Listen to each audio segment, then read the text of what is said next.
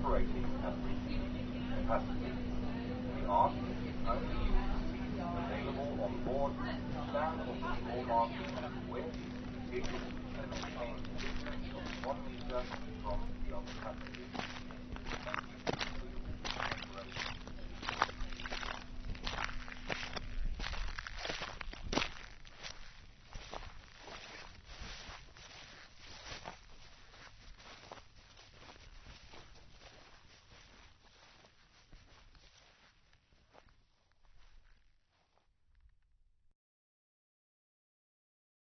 Hva er under grunnen, hun er?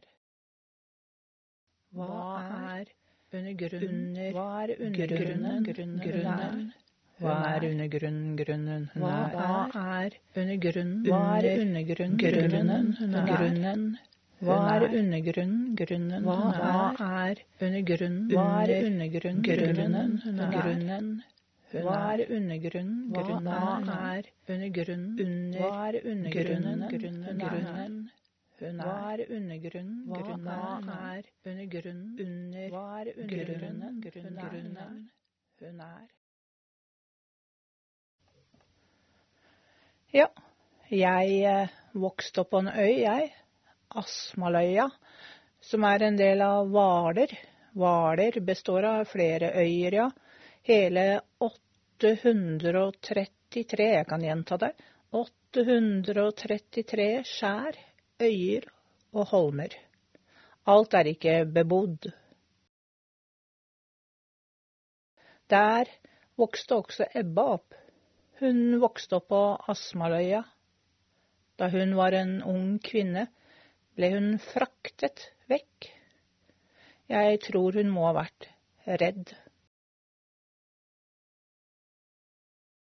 Jeg står nå på kontoret, det er juli, og her har de tatt strømmen. Men jeg prøver jo å fortsette å finne ut av det med tante Ebba, som jeg fortalte om i forrige episode. Et sted er et sted fordi vi har et forhold til det. Jeg er på øya. Hver gang jeg gikk av bussen etter å ha vært på skolen på en annen øy, gikk jeg hjemover. Så mye lettere hadde det vært å fly, fly, fly vekk. På veien kom frykten meg i møte. Frykten var en oldtids gammel mann med hatt, frakk og stokk. Han spaserte og spankulerte. Jeg trippet og trappet. Han behandlet veien som en aveny og jeg som om jeg var på vei til galgen. Fly, fly, vekk, vekk, fly, fly, vekk. Fly, fly, vekk, vekk, fly, fly, vekk. Fly, fly, vekk, vekk, fly, fly, vekk. Fly, fly, vekk, vekk, fly, fly, vekk, vekk. Fly, fly, vekk, vekk. Fly, fly, vekk, vekk, vekk, fly, fly, vekk, vekk.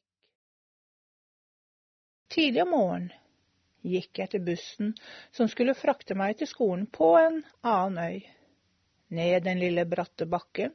Pass på, du, du kan gli i småstein. Ikke spark til steinet, da ødelegger du skoene. I enden av bakken går det ny bakke opp til høyre, øverst i den bakken ligger hytta til Norum, han er død.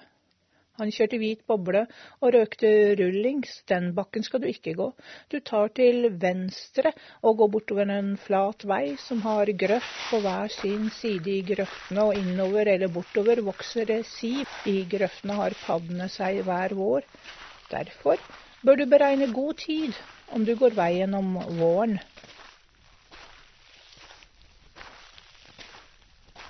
Du kan fort bli stående og betrakte de akrobatiske formasjonene paddene gjennomfører i klynger og klaser mens de streber etter å spre sine gener. Snart vil du ha et syltetøyglass fylt med rumpetroll, og i sensommeren vil du jakte på bitte små padder. Veien er smal, og om det kommer en bil, i verste fall to, er du presset ned i grøfta, krysser fingrene for at det ikke skjer om våren. I enden av veien går du opp en ny bakke. Nå er det slutt på sivet, isteden er det trær som har tatt over. De gir deg en følelse av å gå inn gjennom en portal, du kjenner en uro. Her må du være på vakt for det kan komme en elg ut mellom trærne. Ja, broren min opplevde det en gang. Han ble så redd at han brakk en tå og måtte snu og krype hjem igjen. Ser du til høyre, kan du skimte gården til Anker mellom trærne. Han har alltid et Guds ord å gi deg. Han synger falskt i kirken. På toppen av bakken fortsetter veien videre. Du går et stykke, ser at det er en vei som slår inn til høyre. Den tar du ikke, den leder til Borgen. Borgen har nemlig en nabo som skyter med hagle etter folk. Du fortsetter å gå rett fram. Så går veien ned en bakke og forbi et gult hus. Hver sommer er det fullt med hunder utenfor huset. De bjeffer til deg, de bjeffer til alle som går forbi. Nå kommer du igjen til et kryss. Veien til høyre går ikke lenger til kolonialhandleren Arnt, men bunnpris, ja, det spiller ingen rolle, du går til venstre. Veien strekker seg i en bølgete sving og en langsom og slak bakke. Det ligger flere hus langs veien nå, og mellom husene enger man slår gress på om sommeren. Det gresset er vinterfôr til dyrene, det er ingen som lenger har dyr. Nå slår man bare gresset. Akkurat nå slår det meg at det ville vært mye raskere å gå over engene framfor veien. Det er for sent nå. Veien er et DNA. En automatisering. Du fortsetter å gå opp den slake bakken. Forbi to hvite hus som ligger ved veien og to røde låver. De er ikke lenger låver, som sagt, det er jo ingen dyr der. Det siste hvite huset, der løftet de gardinen opp og så på deg, du lot som du ikke så dem. Så går du videre og kommer til det stedet hvor en familie bygget husene på hver sin side av veien. Eller var det omvendt? Veien ble lagt imellom husene? Videre, rett fram. Nå er det snart en vei som går til høyre, og et udefinerbart gangfelt. Vi later som om det er et gangfelt. Det lå ikke der før, men nå er det blitt eh, byggefelt bak noen knauser og en hall for litt av hvert, som for eksempel 17. mai. Det er markert med noe vi later som er et gangfelt. Da jeg var barn, fantes det ikke. Så gå ned en slag helling. Du ser selve veien. Det er det som er veien, for den er asfaltert. Og du tenker alltid at her burde det være et gangfelt. Det er det ikke. Du går til venstre, og du er nå på bussholdplassen. Du er som vanlig altfor tidlig ute, men bussen kommer etter hvert. Og da gjenstår den verste delen av reisen. Den tar jeg ikke nå.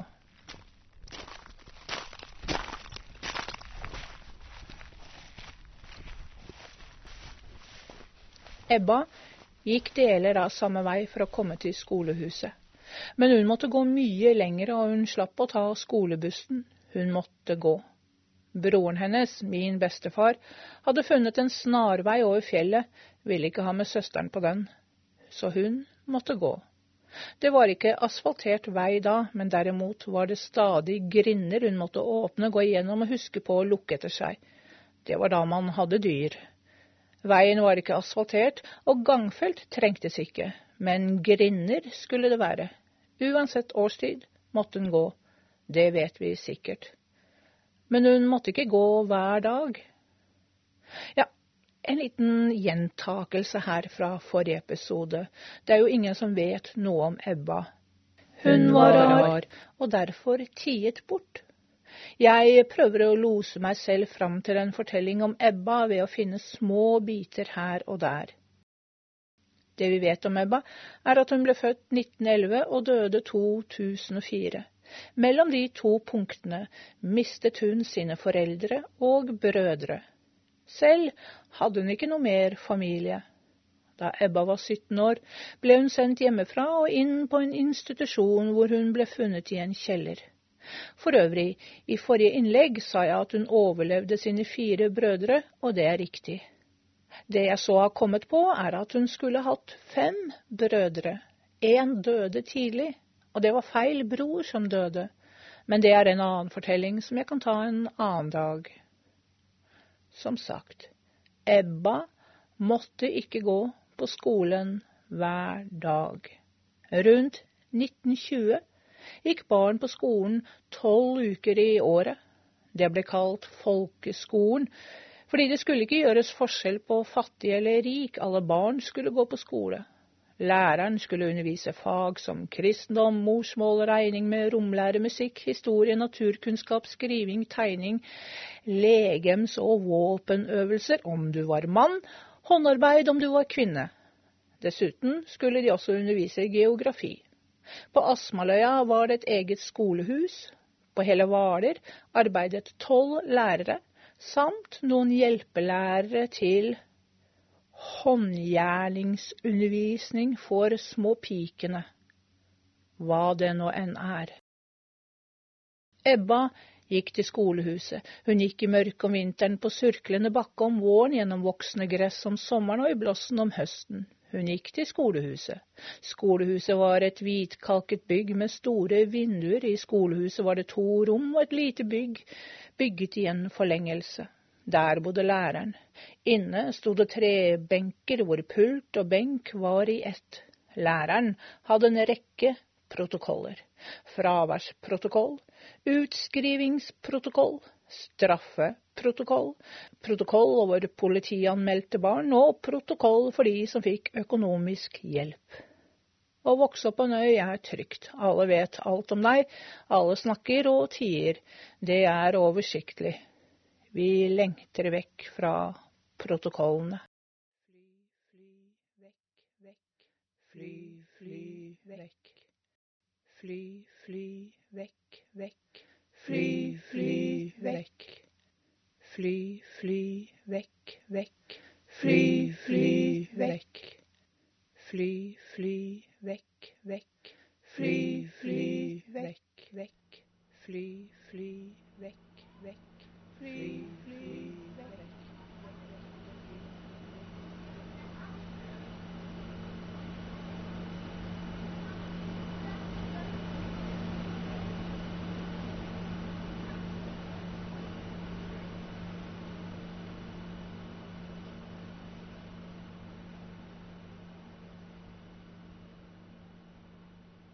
Landskapet ligger der med frodig kurvede former, fruktbar, ikke alle steder.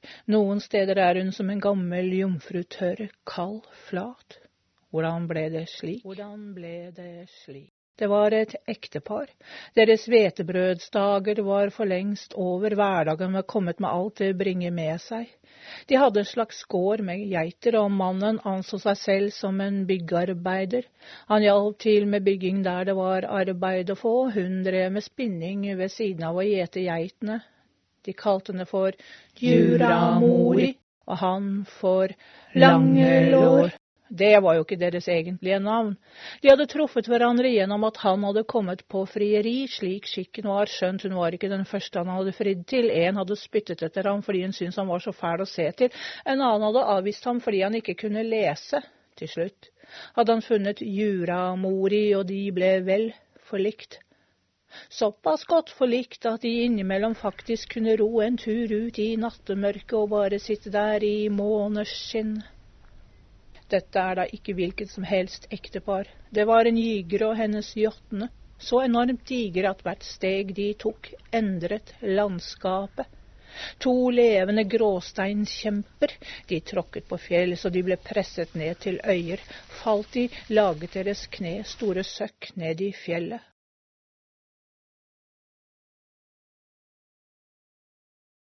Den britiske fortelleren Hugh Lupton sier at landskapet rommer fortellinger. Våre forfedre har vært med på å skape det landskapet vi kjenner. De veiene vi vandrer, ligger der av en grunn. Hver dump og snublestein er narrativer laget av en symbiose av mennesker og natur. Når vi vandrer gjennom landskapet, blir disse fortellingene fortalt og et språk skapt. Steder har fått navn og skaper en poetisk fornemmelse, mens vi selv er vandrende prosaer. Hvert sted har en usynlig fortid i møte med nærværet. Hvilken fast vei går du? Har du noen tanker om hvem de andre er som går den samme veien?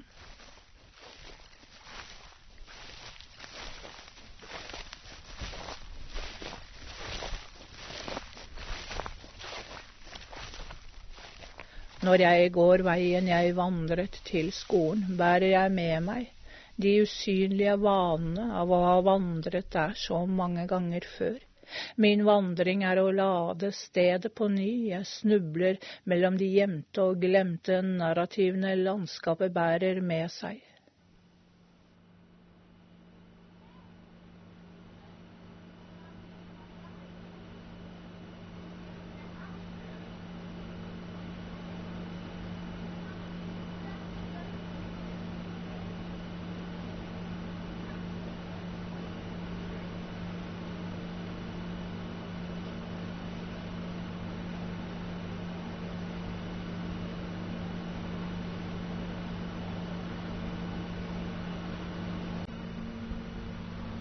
Ja, jeg eh, sitter på ferje. Ferje som kjører over vannet. En sånn overgang, vet du. En overgang mellom to fortellinger.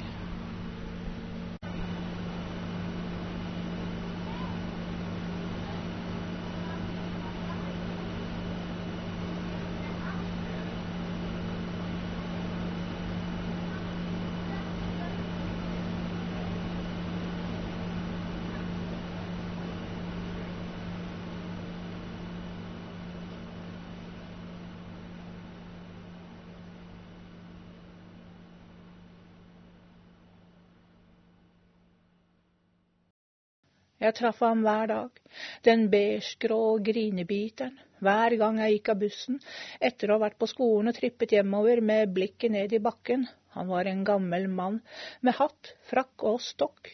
Om jeg bøyde nakken bakover og rett opp, ville jeg sett rett i det gryntende ansiktet med munnviker som gled ned. Mellom hatten og frakken stakk det fram et skilpaddeansikt. Det det var Johan Borgen.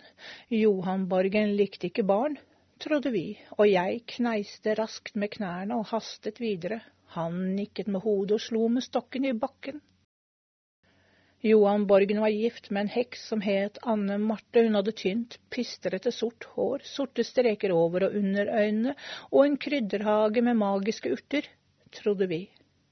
Johan og Anne Marte hadde en sønn som het Espen. Espen var rar. Han samlet på ting. Jeg fant, jeg fant.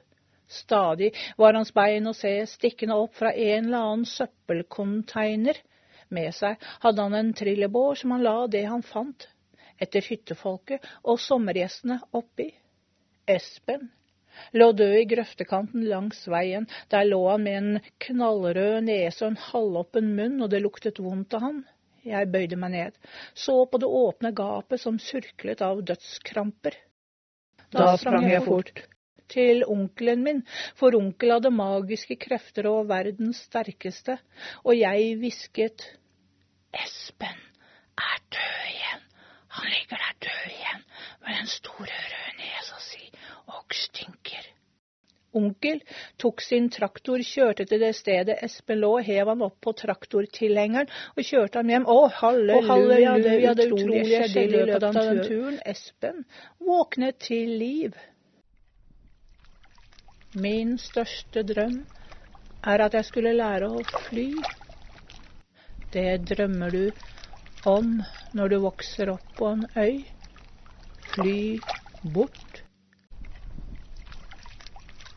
Jeg er ganske sikker på at Ebba gjorde det også. Hun drømte om å fly bort, eller hun drømte om å svømme bort. Ebbas mor var bekymret. Ebbas far var forsvunnet på havet under første verdenskrig. Ebba ble dratt mot vannet, stadig mer dratt mot vannet. Familien, moren og brødrene måtte holde et øye med lillesøsteren.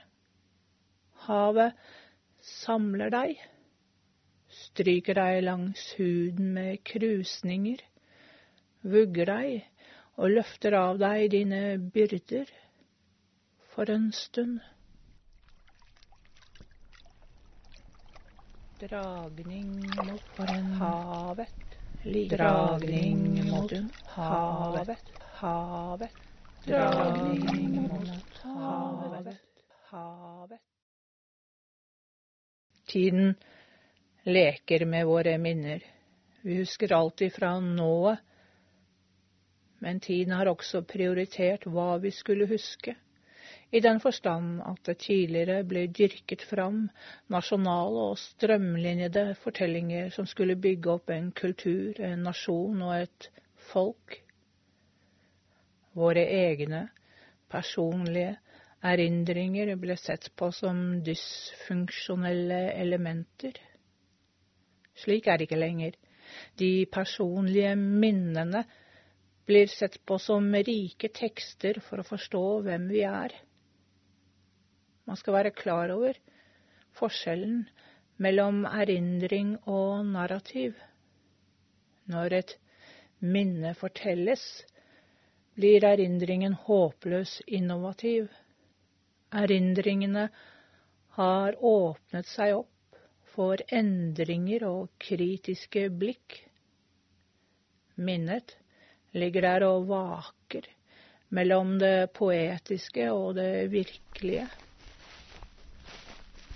Hvert skritt jeg tar, bærer jeg med meg fortiden.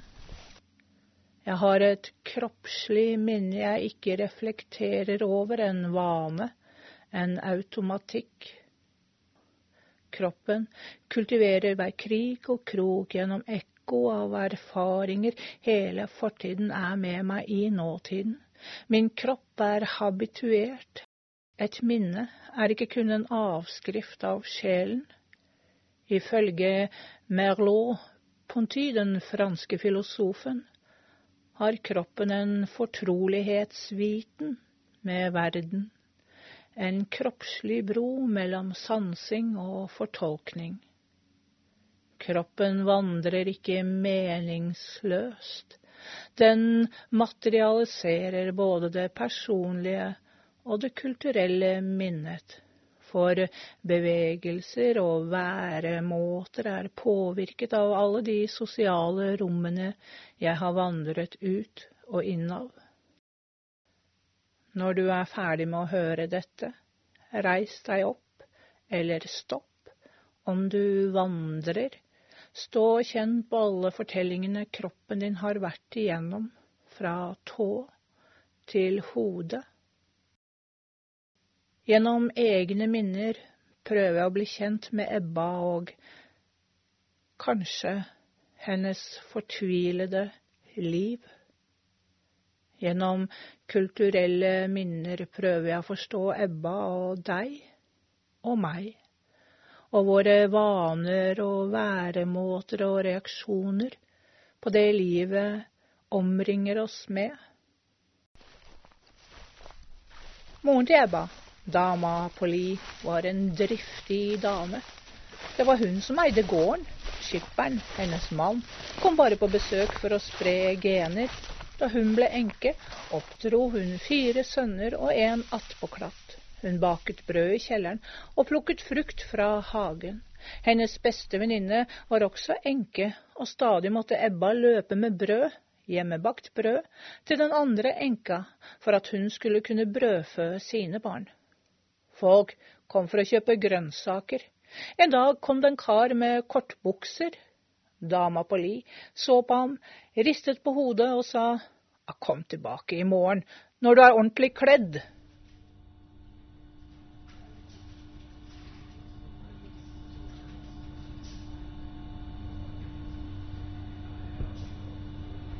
Hva er avstanden mellom deg og det mennesket som er deg nærmest?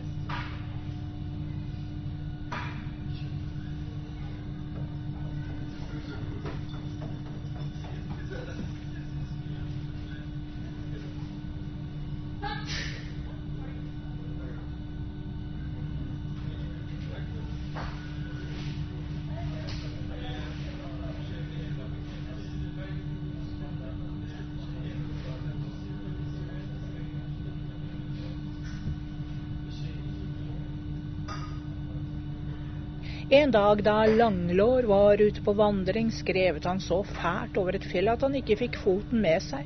Han samlet alle krefter og rykket til, foten ble sittende fast som et lite fjell for enkel fjellklatring. Han fikk for øvrig laget seg en ny trefot. Senere på turen snubla han og laget en fjord, da orka han ikke å reise seg opp.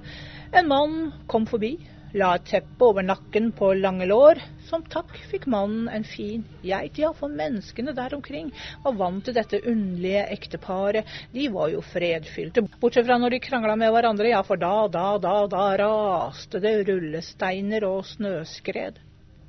Utover det sørget ekteparet for at andre vesener og skrømt og troll holdt seg unna.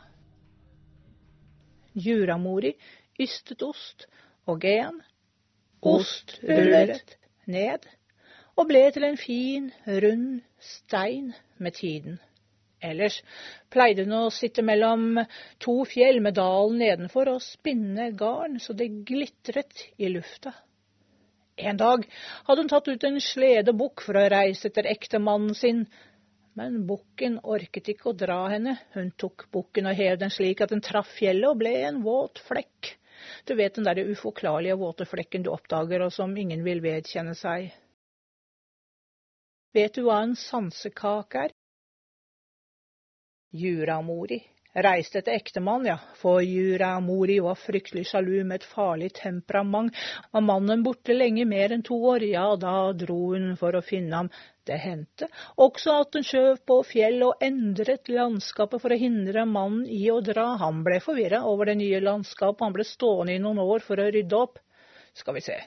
Det ordner seg. Ordner seg der. Skal vi se. Skal vi ta fjellet, legge det til venstre Nei, var det til venstre? Var det til venstre for vannet? Ja, husernte, husernte, til. Men da må holmen ligge utaskjærs. Hvordan var det innaskjærs, utaskjærs? Hvordan er det igjen? Nei, nå ble det mange holmer og skjær her, gutt. Og, og så mange øyer. Å, så mange. En, to, tre, fire, fem, seks, syv Slik levde de i århundrer. Men virkeligheten var i endring. En dag da Juramori satt og spant, røk tråden. Juramori forsto at snart var hennes tid ute. Hun hadde rett. En ny tid var i ferd med å komme. En ny tid som ikke ville ha plass til kjemper, jotner og troll. Langs kysten var det en som kom seilende, han bar på en ny tro, et nytt samfunn, hans ord var påbud, enten var man med ham, eller så var man mot ham. Langs kysten kjempet kjempene imot, de kastet fjell ut i havet som ble til øyer, men til ingen nytte, ingenting kunne stoppe kongen, kong Olav, han som skulle bli denne hellige mannen, der han satte sin fot, ble det bygd en kirke. Sansekake, ja. Sansekake, ja, det var et ord jeg aldri hadde hørt før, før jeg hørte følgende. Bestefar, altså broren til Ebba, fikk nemlig sansekake. De var kommet til skolen, men bestefar hadde glemt leksene. Læreren eller frøken eller lærerinnen Det var iallfall en myndig dame, sa at han skulle bli igjen etter skoletid og få sansekake. Da skoledagen var over, gikk Ebba og de andre hjem, men bestefar ble sittende i skolehuset. Dama, frøken, lærerinna, glemte ham. Hun gikk i butikken, det var et godt stykke å gå. Da hun kom tilbake, så hun at døra var åpen, og hun kikket inn. Der fikk hun se tiåringen sitte ved pulten hun hadde glemt ham helt. Så han fikk ikke sansekake, eller det trodde han at han fikk. Hun hadde nemlig kjøpt brød, som hun skar en skive av og ga ham, og det var første gang bestefar smakte kjøpebrød. Da han kom hjem, måtte han jo fortelle at han hadde fått sansekake som var kjøpt på butikken. Dama på li var sint og sa, Jeg skal gi deg sansekake, jeg, og så denkte hun til bestefar, for sansekake var nemlig ørefik.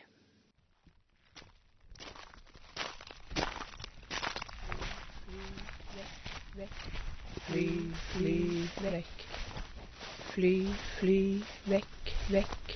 Fly, fly, vekk. Fly, fly, vekk, vekk. Fly, fly vekk. Fly, fly Vi skulle lære oss å fly, for jeg ville fly bort, og det ville også min bror, og min sommervenninne og min brors venn. Men hvordan lære seg å fly? Vi hadde hoppet fra steiner og flakset med armene, vi hadde festet draker til ryggen og løpt bortover jordet. Vi lettet ikke. Hva skulle vi gjøre?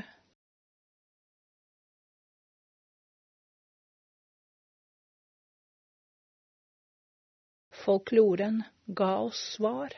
Som de norrøne guder måtte vi ha fugleham, som heksene måtte vi ha heksebrygg. Vi robbet min bestefars høner for fjær. Bestefar, bror til Ebba. Vi festet fjærene til armene med teip. Karlsson-slim kunne vi ikke bruke. Vi tok på oss tresko, fordi da ville det være lettere å lette. Vi kunne la treskoene stå igjen. Vi festet hoppestrikk i beina mellom oss, for vi visste at vi ville ikke ha full kontroll, siden vi aldri hadde fløyet før, ville det være en fare for at vi fløy bort fra hverandre, så strikken ville hjelpe oss å holde sammen. Så dro vi mot borgens hjem for å stjele urter fra heksas hage urtene skulle vi gni, smøre, kline oss inn med, og dermed ville vi kunne fly. Loke fløy, Ikaros fløy, og nå vi. Vi tok den lengste veien for ikke å bli skutt under vårt oppdrag, vi snek oss inn i hagen, rundet noen busker hvor vi visste at urtene var, snart skulle vi gni, smøre, kline oss inn. Vi rundet buskene, og der, Der ble vi stående stille. Vi ser rett på en vokter over de hellige urtene. En enorm elg stikker hodet sitt ut av buskene og stirrer på oss med sine blanke øyne. Vi skrek, vi fløy til alle, vi skrek, vi fløy til alle kanter, men vi kom jo ikke langt, for strikkene dro oss tilbake. Der lå vi en haug av tresko og fjær. Med ett sto heksa og hennes sønn over oss. Hun bøyde seg ned, og jeg hevet armen for å beskytte meg. Hun grep min arm og løftet meg opp vi forklarte stotrende om elgene, vi måtte rømme alle sammen, det var en farlig elg der i skogen som sikkert, sikkert, sikkert eh, spiste mennesker, den voktet over urtene, og, og den var blitt gal. Espen forsvant bak buskene. Nei, nei, nei, nei, nei! Og kom tilbake med et elghode utstoppa, som han hadde funnet i en søppel søppelcontainer etter noen turist, og han hadde hengt det opp i hagen, han, som pynt. Heksa ba oss inn på saft. Det ble mye saft den sommeren jeg skulle lære meg å fly. Kongen bygget kirke, kirke for folket, folket ville ikke ha kirke. Da kong Olav kom til den delen hvor Langelår og Juramori bodde, tenkte de at nå, nå skulle de være føre var. Langelår tilbød seg å hjelpe kongen med å bygge en kirke. Det gikk kongen med på. Kirken ville da snart være ferdig med hjelp av en kjempe. Men Langelår ville ha betaling, sol og måne og Johannes hode. Det hadde han hørt at det kunne man gå for. Det gikk kongen med på.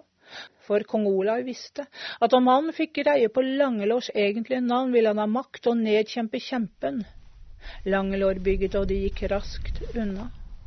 Kongen vandret rundt i fjellene og snek seg fram for å se og se om han kunne finne ut av Langelårs egentlige navn.